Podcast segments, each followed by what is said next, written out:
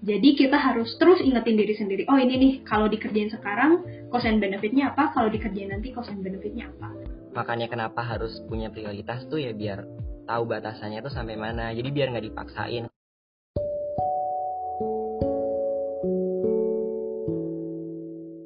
Selamat pagi, siang, sore, malam, atau kapan pun Papa Povi dengerin podcast ini. Welcome back to Perfilma On View edisi Persus, tempat paling cocok untuk ngebahas hal serius. Episode kursus kali ini akan dibawakan oleh gue, Dani, FAUI 2021 selaku host, dan Salsa, FAUI 2021 selaku co-host. Nah, di persus perdana kali ini, kita bakal ngebahas hal yang pastinya relate banget sama kehidupan mahasiswa FAUI. Ada keyword nih buat nebak topik persus kali ini. Keywordnya sibuk, aktif sana-sini, dan menghasilkan output yang bermanfaat. Kira-kira udah ketebak belum sih topiknya? Nah, betul nih. Selain berkewajiban untuk belajar, kira-kira apa aja sih kegiatan yang dilakukan oleh mahasiswa Makaram Merah ini? Kali ini Persus bakal ngebahas tentang produktivitas mahasiswa FHUI. Nah, dari jurnal yang udah kita temui nih, ternyata produktivitas itu adalah perbandingan antara output yang kita dapat dengan input yang kita keluarkan. Nah, ternyata filosofi dan spirit dari produktivitas ini udah ada nih sejak zaman peradaban manusia karena makna produktivitas ini adalah keinginan dan upaya manusia yang untuk selalu meningkatkan kualitas kehidupan dan penghidupan di segala bidang. Nah, ternyata juga ketika masa COVID-19 ini yang sudah genap 2 tahun lamanya, kondisi ini menuntut kita untuk beradaptasi dengan metode kehidupan yang baru. Sekolah yang tadinya luring, kemudian dialihkan menjadi daring. Hal ini menimbulkan kekhawatiran dan berupa menurunnya angka produktivitas mahasiswa sebab ruang gerak yang dimiliki terbatas. Nah, saat ini dari penelitian yang dilakukan oleh mahasiswa UIN Arani Banda Aceh, Ima Warni Alna Anissa, dan Karjunawati menunjukkan bahwa tidak ada perubahan produktivitas yang signifikan selama kegiatan mahasiswa dilakukan dari rumah. Nah, lantas bagaimana ya pendapat para narasumber versus kita hari ini? Sebelum mendengar jawaban dari para narasumber, yuk kita kenalan dulu sama narasumber kita yang kelihatannya super sibuk nih, tapi juga super keren banget pastinya. Halo semuanya, kenalin, aku Giava Jatanisa, panggilannya Giava, FAUI 2020. Salam kenal semuanya. Salam kenal juga Mbak Giava. Selanjutnya boleh nih ke narasumber kita yang kedua. Halo, selamat pagi, sore, siang, malam, dan selamat beraktivitas buat teman-teman dari FHUI dan semua pendengar BOV. Kenalin nama gue Mirvan Dwi Putra, biasa dipanggil Irfan. Gue dari program studi reguler FHUI juga, angkatan tahun 2021. Oke, salam kenal ya Mbak Giava dan Irfan. Langsung aja kita masuk ke pertanyaan pertama nih. Nah, kalau aku boleh tahu nih, kesibukan apa aja sih yang Mbak Giava dan Irfan lagi jalanin selain berkuliah? Terus berpengaruh nggak dengan adanya pandemi ini ke kegiatan yang kalian lakuin itu. Mungkin boleh ya sekarang dari Irfan duluan. Gimana nih, Irfan? Oke, kalau misalkan kegiatan di luar akademis, yang pertama gue alhamdulillah kemarin baru selesai project jurnal dan alhamdulillah juga jurnalnya udah publish di PJIH Pajajaran Jurnal Ilmu Hukum. Jadi buat teman-teman yang penasaran bisa dicek aja ya judulnya The Existence of the, Indonesian National uh, Research and Innovation Agency. Ya, jadi kayak kita ngebahas soal BRIN dari perspektif kebebasan akademik di situ dan kebetulan kemarin gue projectnya itu sama dosen Bang Zadid sama Ali. Terus yang kedua, gue juga lagi running project buku. Jadi kayak ada semacam project buku dari suatu organisasi dan gue jadi penulisnya di situ. Terus kemarin gue juga baru selesai kayak gue ngadain private class gitu, private, uh, ya benar kayak les private buat temen-temen yang mau UTBK khusus ngajarin buat sejarah, sosiologi sama geografi. Terus kalau organisasi gue um, gak ada organisasi di internal. Jadi di UI maupun di FH gue gak ada, cuman organisasi gue itu di eksternal ada di Aja Gerak. Kemarin di semester 1 gue itu kebetulan jadi pengajar kan, jadi mentor. Terus di semester kedua ini gue jadi academic talent management. Bukan jadi mentor lagi, cuman terus kalau organisasi lain itu di BMUI, BMUI ya, bimbingan mengejar bi, sorry, bimbel mengejar UI itu kayak semacam lembaga uh, apa namanya non profit yang buat ngajarin teman-teman yang mau masuk ke UI juga. Terus ini nanti abis puas masih mau ada running project lagi, jurnal juga sama Bang Zari juga. Terus nanti buat uh, dan akhir-akhir ini lagi aktif buat nulis di beberapa media. Cuman pingin menikmati liburan dulu selama seminggu karena kemarin kayaknya padat banget. Wow, kalau dilihat-lihat banyak juga ya Pan aktivitas. Terus Pan gimana nih Pan? Uh, terkait adanya pandemi COVID ini berpengaruh nggak sih ke kegiatan yang lo lakuin itu? Apakah jadi lebih kurang produktif atau ternyata itu nggak menghambat sama sekali? Kalau bagi gue adanya pandemi justru malah menambah produktivitas karena secara semuanya itu bisa dilakukan kayak secara tiba-tiba gitu. Jadi kayak misalnya kelas bisa dimulai misal kelas jam 8 terus gue bisa join 8.15 jadi gue nggak harus ngebuang waktu gue buat transportasi gue nggak harus ngebuang waktu gue buat jalan dan segala macamnya oke kalau boleh tahu nih dari bagi apa sendiri sekarang.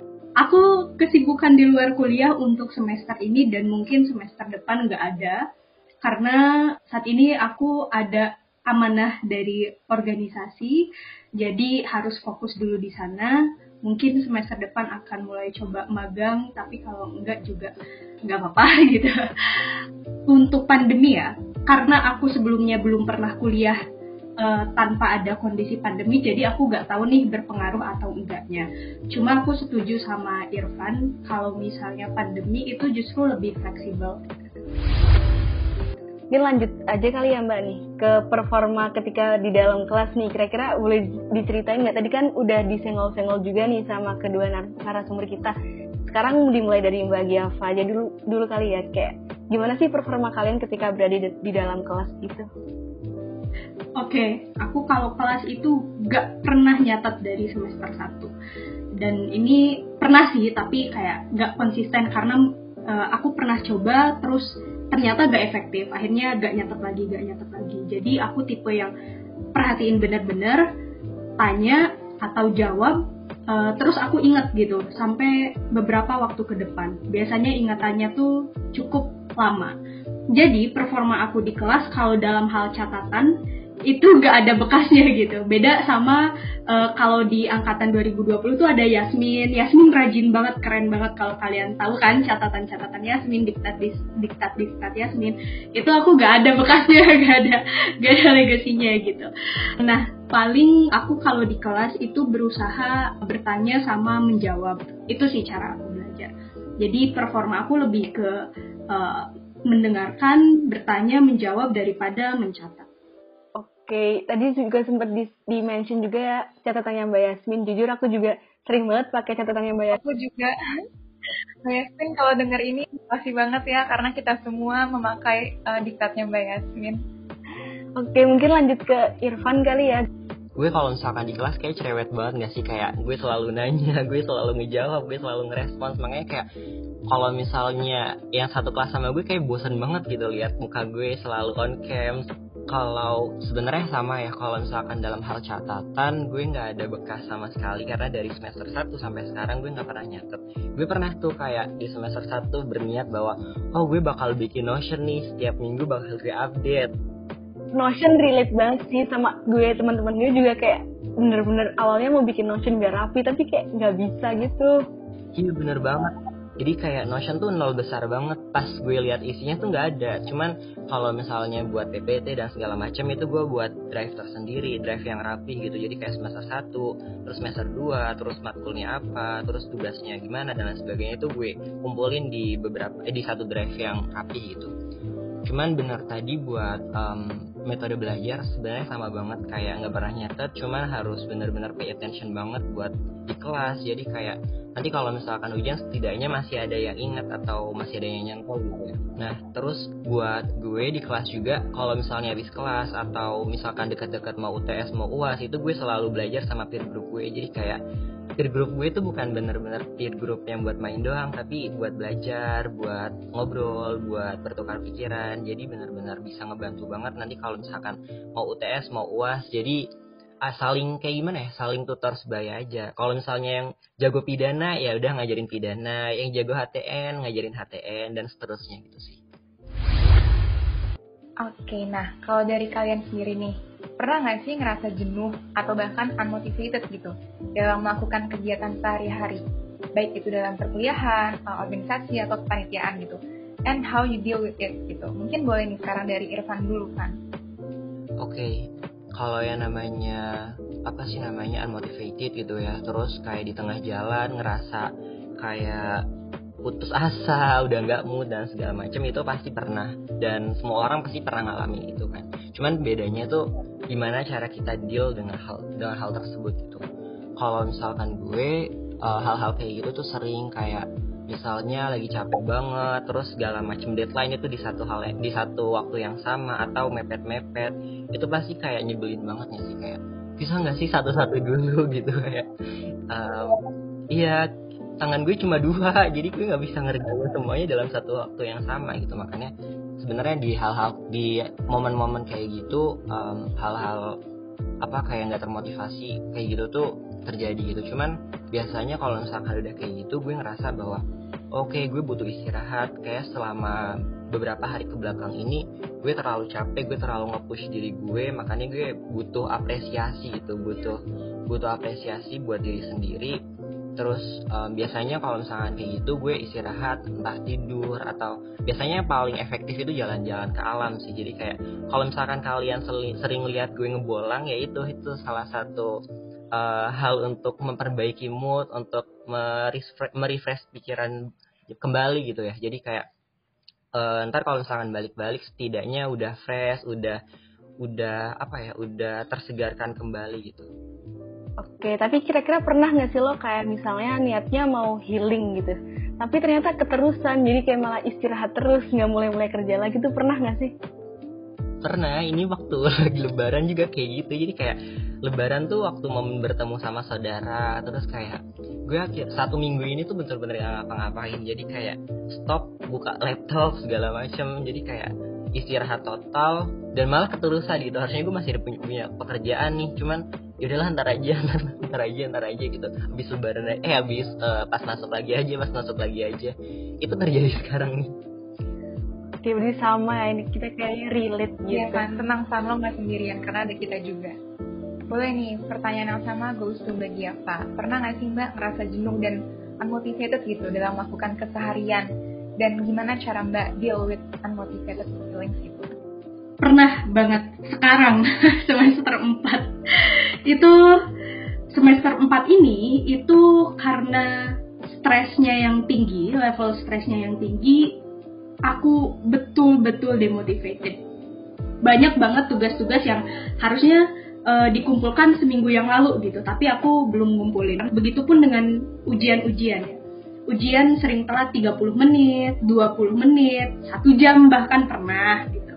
Itu pernah jadi kalau misalnya bicara, pernah gak sih demotivated? Pernah satu semester ini hampir penuh nih. Juni udah mau uas berarti satu semester kan? Gak, gak ada motivasinya gitu. Terus how I deal with it? Sejauh ini yang aku sadari adalah ada perubahan dari aku semester 1, 2, 3 dengan aku yang semester 4. Kalau dulu itu aku orangnya apa-apa sendiri, apa-apa uh, bikin jadwal sendiri, terus kalau stres ya ke kafe, ke mana sendiri gitu.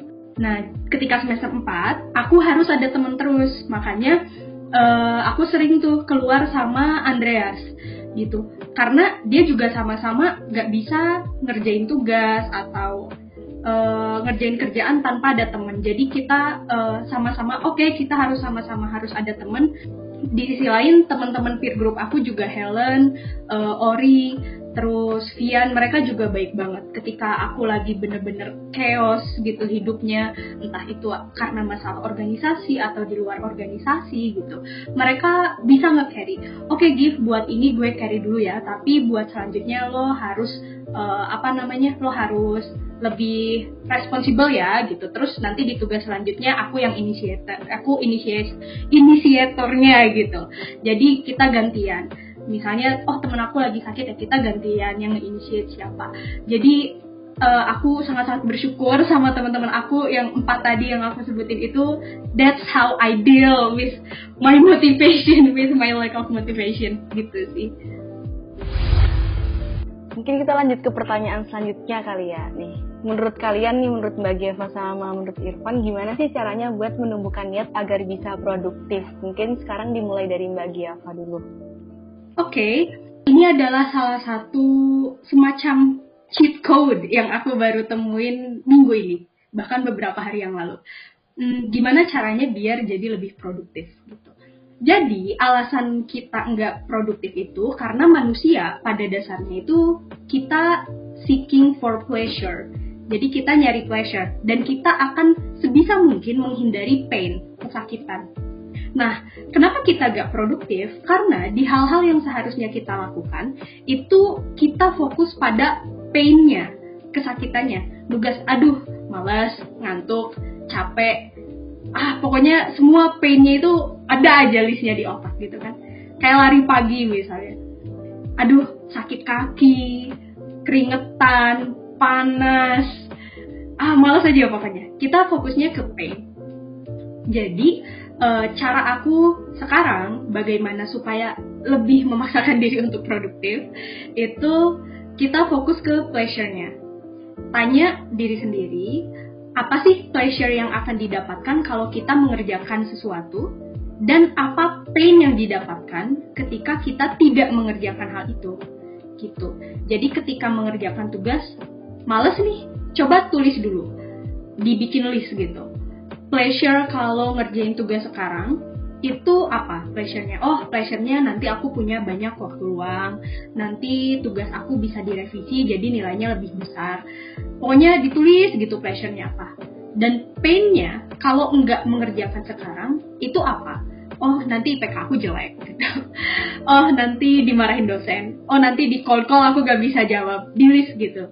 Nah, buat awal-awal ya pasti nggak langsung ke internalize di otak gitu kan. Kayak oh ya tahu nih uh, apa namanya ini cost and benefitnya apa. Pasti nggak langsung kayak gitu. Jadi kita harus terus ingetin diri sendiri oh ini nih kalau dikerjain sekarang cost and benefitnya apa kalau dikerjain nanti cost and benefitnya apa. Jadi itu sih cara aku. Focus on the pleasure if you did it and focus on the pain if you did not do it. Kayak gitu Duh, aku merasa tersindir nih ya tadi sama contohnya yang dikasih Mbak Java nih. Karena aku masih melakukan itu. Mungkin Gani juga kali ya, Gan? Sama balik kita kan sering sal kayak berkeluh kesah bersama oh, gitu iya. di room chat kayak isinya capek banget capek banget gitu doang atau enggak atau enggak nanti aja ya kita nugasnya kita kan masih bisa tidur dulu gitu nah kalau Irfan gimana sih menurut lo cara untuk bisa menumbuhkan niat itu agar kita tuh bisa jadi produktif gitu Oke, kalau Mbak Giafa kan tadi fokus on the pleasure ya. Kalau gue tuh uh, mungkin jadi prinsip hidup gue juga ya. Ada tiga sih. Kayak yang pertama know your priority, tahu prioritasnya apa. Terus yang kedua know your limit, tahu batasannya sampai mana. Terus yang ketiga yang paling penting adalah take a break. Jadi ambil waktu istirahat. Yang pertama tuh maksudnya kayak tahu prioritas yang harus dikerjakan apa terus kayak ngelis punya list uh, prioritas daftar prioritas yang harus dikerjakan duluan yang mana dan segala macam terus yang kedua tahu batasan. Jadi kayak nah makanya kenapa harus punya prioritas tuh ya biar tahu batasannya tuh sampai mana. Jadi biar nggak dipaksain. Karena kalau misalkan produktif yang terlalu produktif juga kan nggak bagus ya. Jadi kayak jatuhnya hasil culture ya. Meskipun itu sekarang menjadi suatu hal yang wajar di FH Terus yang ketiga ada paling penting adalah take a break. Jadi ketika udah ngerasa capek banget, terus udah ngerasa stres, udah ngerasa tertekan dan segala, segala macamnya, gue memutuskan untuk oke okay, gue kayaknya batasan gue sampai sekarang sampai ini dan gue harus beristirahat, gue harus merefresh pikiran lagi biar nanti siap untuk hal-hal yang akan datang. Mungkin itu sih kalau misalkan buat gimana kalau misalkan cara produktif menurut versi gue ya, di kayak ada batasan, ada prioritas, dan ada istirahat. Waduh, makasih banget nih buat uh, metode-metodenya dari Irfan ini kayaknya benar-benar berguna banget nih karena gue harus nyusun prioritas, terus gue harus tahu limit gue dan harus take a break itu kayak benar-benar berguna banget dan relate banget sih sama teman-teman FH juga. Nah, sekarang kita bakal masuk ke games nih uh, Mbak dan Irfan. Nah, Ya mungkin lanjut aja ya di game episode kali ini namanya mitos atau fakta. Jadi rulesnya ini host atau co-host akan menanyakan mitos atau atau fakta dan narasumber nih Mbak Giafa dan Irfan harus jawab satu kata aja kayak misalnya mitos atau fakta gitu. Oke, mungkin langsung dimulai aja kali ya, soalnya udah pada nggak sabar nih. Oke, dimulai dari gue ya kan, pertanyaan pertama nih. Nah, buat bagi Giafa dan Irfan, mitos atau fakta kalau mahasiswa FHUI itu sering adu produktivitas fakta. Fakta. Oke, kita lanjut ke yang kedua nih. Mitos atau fakta kalau mahasiswa FAU itu nggak betah gabut? Fakta. Mitos karena aku betah gabut Oke, yang terakhir nih ya, dari gue lagi. Mitos atau fakta kalau mahasiswa FHUI itu rapatnya lebih efektif diadakan di malam hari? Mitos. Waduh, beda lagi nih kan.